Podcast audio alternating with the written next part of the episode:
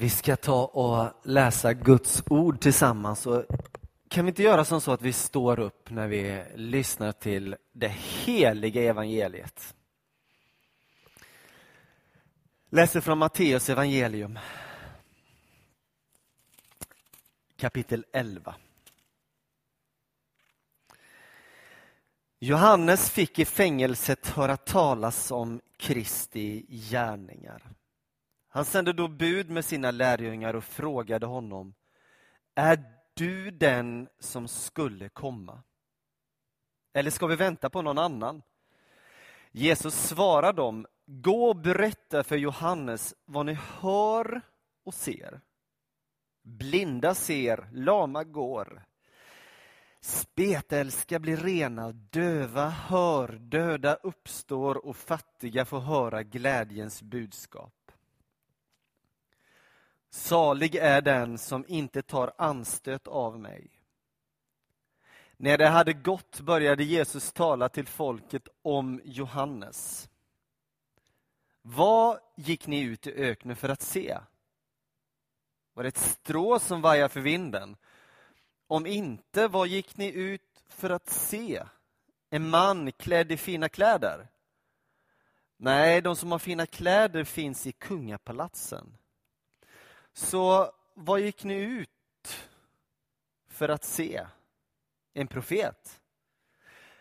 Ja, jag säger er, en som är mer än en profet. Det är om honom som det står skrivet, jag sänder min budbärare framför dig och han ska bereda vägen för dig. Jag säger er sanningen. Bland de som har fötts av kvinnor har ingen trätt fram som är större än Johannes döparen. Men den minste i himmelriket är större än han. Så lyder Guds heliga evangelium. Och han välsignar det i våra hjärtan. Varsågod och sitt.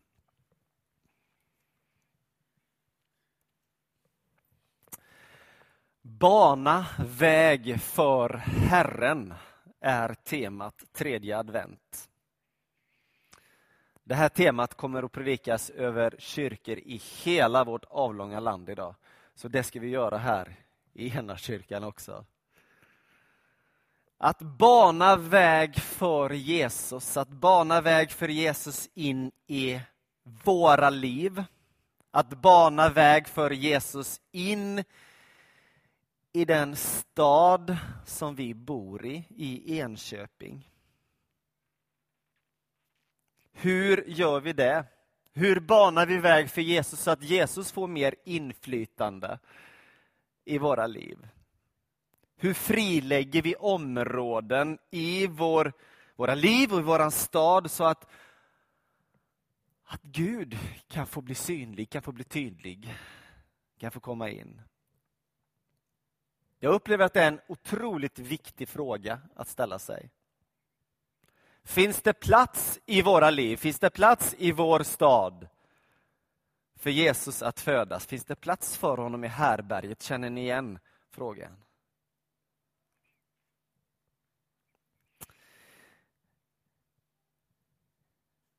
För att på riktigt veta om vi är på väg mot detta att, att skapa utrymme och att ge plats eller att bana väg för Kristus i våra liv så tror jag att det finns en jätteviktig fråga att ställa sig och som är som en, en värdemätare på om vi är på väg åt rätt riktning. Och det är, älskar du Jesus?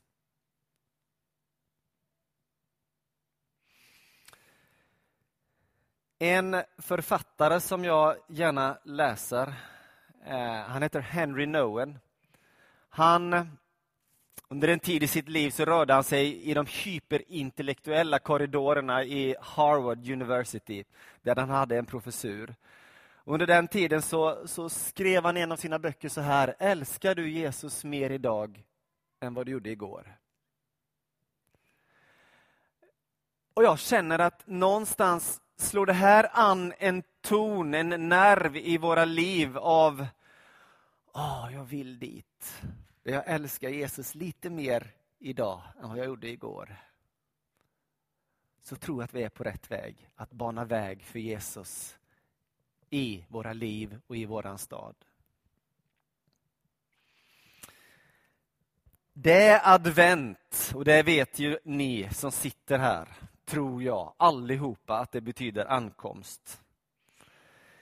Och Det som är så spännande det är att, att Jesus har kommit, precis det här som vi ser i krubban.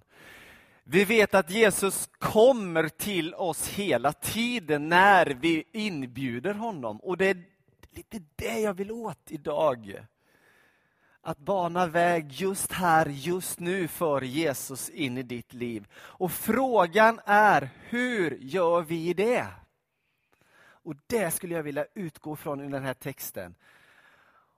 Och Jag tror att vi kommer att nudda vid, kanske inga nyheter, men sanningar som vi behöver idag. Nu tillbaka till Johannes. Jag är så glad för att vi har den här texten i vår bibel. Det här är alltså frågan som vi bär med oss in i texten. Jag är så glad för att den finns där, för jag tror att vi behöver höra just de här orden idag. Jag tror att vårt land behöver höra de här orden. Jag tror att vår värld behöver höra de här orden. Johannes döparen, denne store man, denne store profet som rörde sig ute i öknen, i ökentrakterna, i vildmarken, i det fria, där var han hemma. Och där gick det ut ett budskap som var extremt vasst och tydligt. Ett budskap som handlar om omvändelse, en metanoia, en, en 180 graders usväng, en fullständig omvändelse. Människorna var på väg ditåt, nu är det meningen att ni ska gå ditåt, diametralt motsatt håll. Det var vad hans budskap handlade om. En fullständig radikal omvändelse. Jag tror lite grann att våga vara så tydlig mot sin samtid är någonting vad det handlar om att bereda väg för Herren. För det var ju det han var uttryckt att han gjorde. Han banade väg för Herren.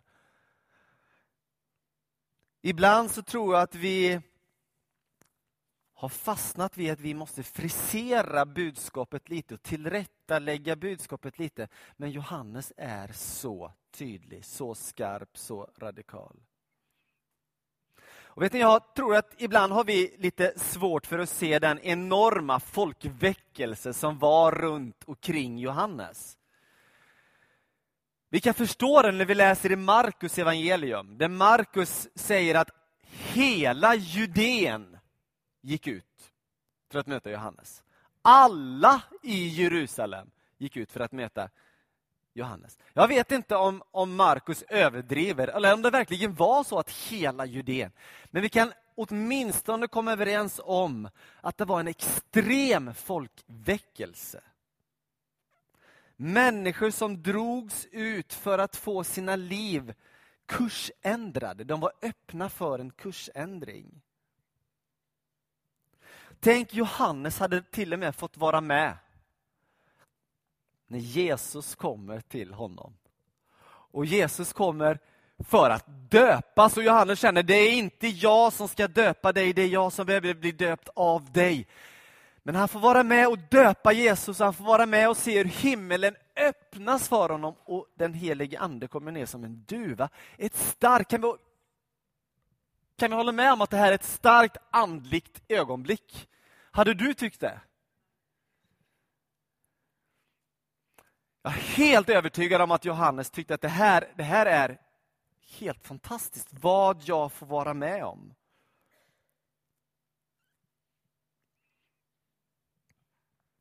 Men Men någonting har hänt när vi kommer in i den här texten. Vad är det som har hänt? Jo, nu sitter Johannes i fängelse. Han som var van vid vidderna, han som var van vid den fria luften, han som var van vid att inte vara begränsad. Han sitter nu i en fängelsecell i borgen Makerus. Tjocka väggar som inte släpper in något ljus. Mörker och ensamhet är det som ligger över Johannes. Är ni med nu här på bilden var han är någonstans? Var är han någonstans? I, i ett fängelse. Inget ljus. Det är mörker runt omkring honom, men det är också det är mörker i hans inre. Han som hade varit med om allt det här fantastiska. Är ni med? Har nu kommit till en punkt i sitt liv där han börjar tvivla. Är han verkligen Jesus? Messias, den vi väntar på. Han börjar betvivla. Alltså, Förstår vi vad som händer i den här Johannes, trots det han har varit med om? Han kanske tänkte så här för sig själv att har inte Gud en bättre pensionärsbostad än det här? För sin tjänare som är så trött. Jag som bara har följt Gud och så händer det här. Var är Gud någonstans? Det där med Jesus, det var nog bara fantasier. Tvivlet smyger sig på. Märker vi det i texten? Nej, men det kan väl inte stämma? Jo, Bibeln är öppen för det. Denne store man, denne store profet.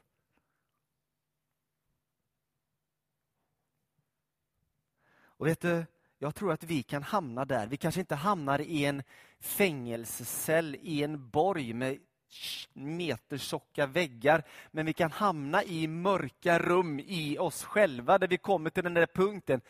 Alltså handlar det här bara om en historia, en saga? Var är Gud någonstans?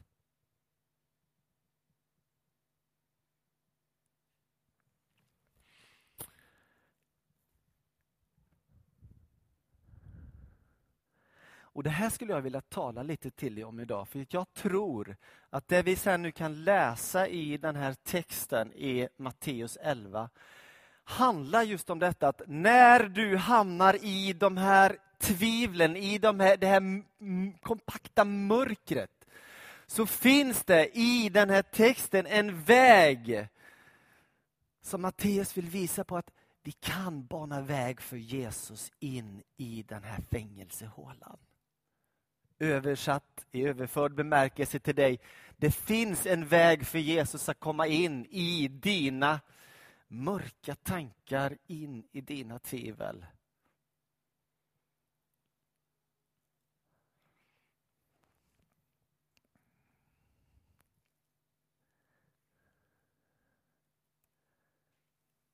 Kommer snart att förklara det här. Det här är den första punkten jag skulle vilja lyfta fram här. Genom att leva och tala evangelium. Låt mig börja så här. Det blir väldigt tydligt att det finns en riktning i Johannes liv. Han har en, en riktning i det han tänker och det han gör. Och den riktningen är till, vem då? Han sträcker sig till till Jesus. Det är det första. Han har en tydlig riktning. Vad, vi kan börja med att säga vad Johannes inte gör när han sitter där i fängelset, i sina tvivel, i sitt mörker. Jo, han, han låter sig inte fastna i det här. Är ni med på det? Han låter sig inte fastna i sitt mörker, i sina tvivel, utan han sträcker sig ut till någonting utanför sig själv.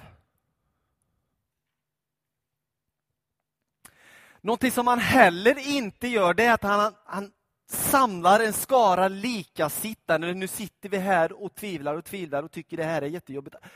Han gör inte det, utan han har en riktning.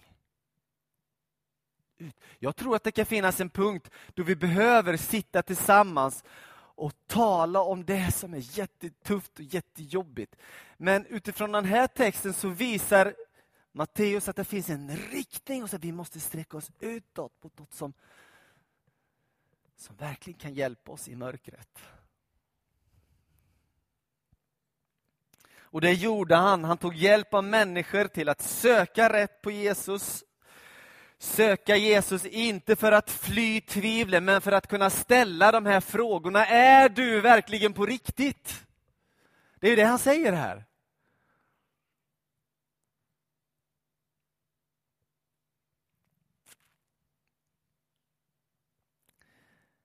När vi går vidare i den här texten så är det lite intressant tycker jag att Jesus får frågan av Johannes lärjungar, är du den som vi ska vänta på? Och Jesus säger inte bara rakt upp och ner ett sånt här akademiskt svar, ja det är jag. Utan han säger, gå och berätta vad ni ser och hör. Gå och berätta vad ni ser och hör. Alltså, det handlar om människors hörsel och människors syn.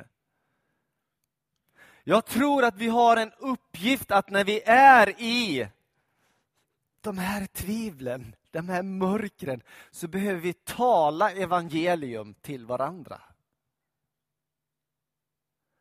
Vad vi hör och vad vi ser. Vi behöver se mer av dessa kraftgärningar som radas upp.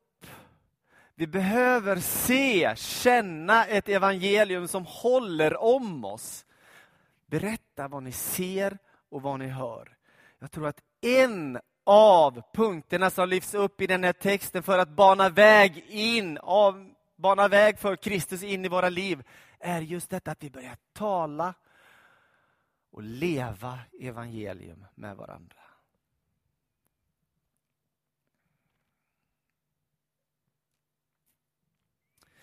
Den andra punkten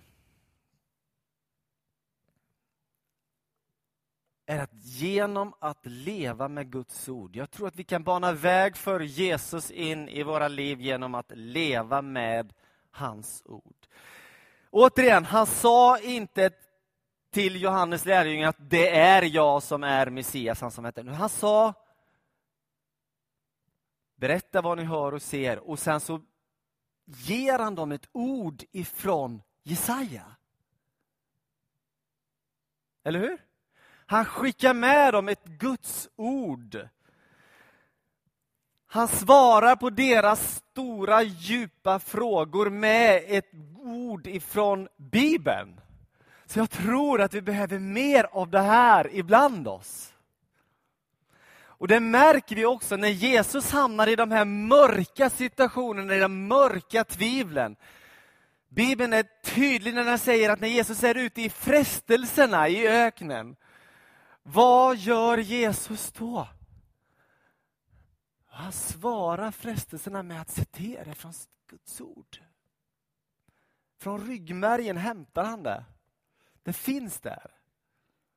Eller Emmausvandrarna, de som har varit gått med Jesus och som nu har varit med när Jesus har korsfäst och han har dött. Och De har hört ett rykte om att han har uppstått, men de vet inte vad de ska tro.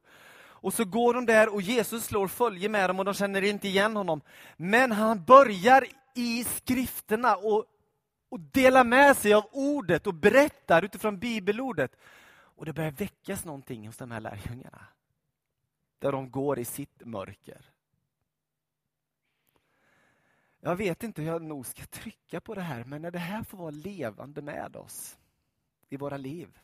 Inte satt på undantagsplats, utan har en central roll i våra liv. Det här vet vi ju. Och ibland så kommer det med sådana här saker med så dåligt samvete och det är inte alls meningen, men vi vet det här. Det är så tragiskt för att det är undersökning efter undersökning så, så visar det på att bibelläsandet, inte minst bland de kristna, sjunker och sjunker och sjunker, sjunker, sjunker. Och vad händer då? Jo, jag tror att lite av det händer är, är att vägen inte öppnas in i våra liv för Jesus.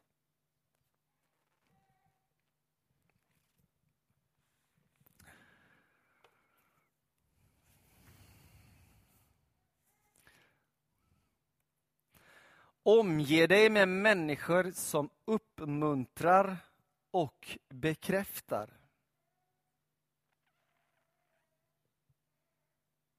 Nej, omge dig med människor som, vänner som leder till Jesus är det ju. Jag läste nästa ruta här. Och genom att omge dig med vänner som leder dig till Jesus. Johannes, återigen i sitt mörker, hade sina, tillgång till sina lärjungar ändå. Och de här lärjungarna satte han i rörelse mot Jesus och, och de kommer tillbaka och berättar för honom. Och jag skulle vilja säga att vi behöver varandra. Alltså när någon av oss mår riktigt dåligt, se till att ha människor runt dig som berättar om Jesus.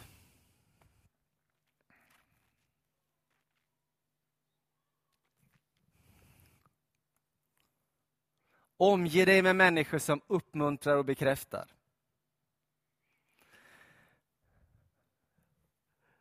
Så jag texten tar upp det här att vem var den gick ut i öknen för att se? Var det en vindflöjel? Ett strå som vajar för vinden, en som sätter upp fingern och kollar vilket håll det blåser. Den spännande tankarna för dagen. Nej, det var någon som stod fast och var jätterak i sitt budskap. Men var det? Var det? Ja, det var en stor profet. Och så säger Jesus så här att, jag ska säga att ingen av kvinna föddes större än Johannes döparen. Kan man säga så med människa? Ja, det kan man. Jesus gör det. Han uppmuntrar människor. Jesus lyfter Johannes. Och Jag skulle vilja trycka på den här punkten för att Bibeln är så tydlig med detta att vi behöver människor kring oss som har en förmåga att uppmuntra och lyfta upp oss. Eller hur? Och Jag skulle säga så här till dig att det finns den minste i Guds rike är större än Johannes.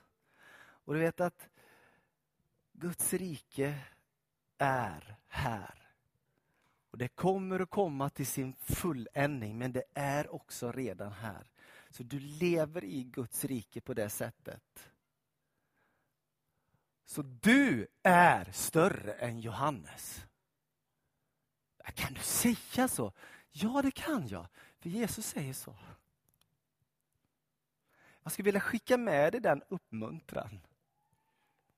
Där du sitter. För det är kanske inte alltid är så lätt att känna just det.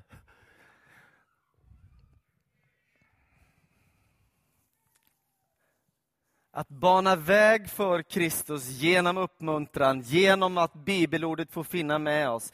Genom att ha en gemenskap där vi, där vi vågar prata om vem Jesus är, vad Jesus har gjort.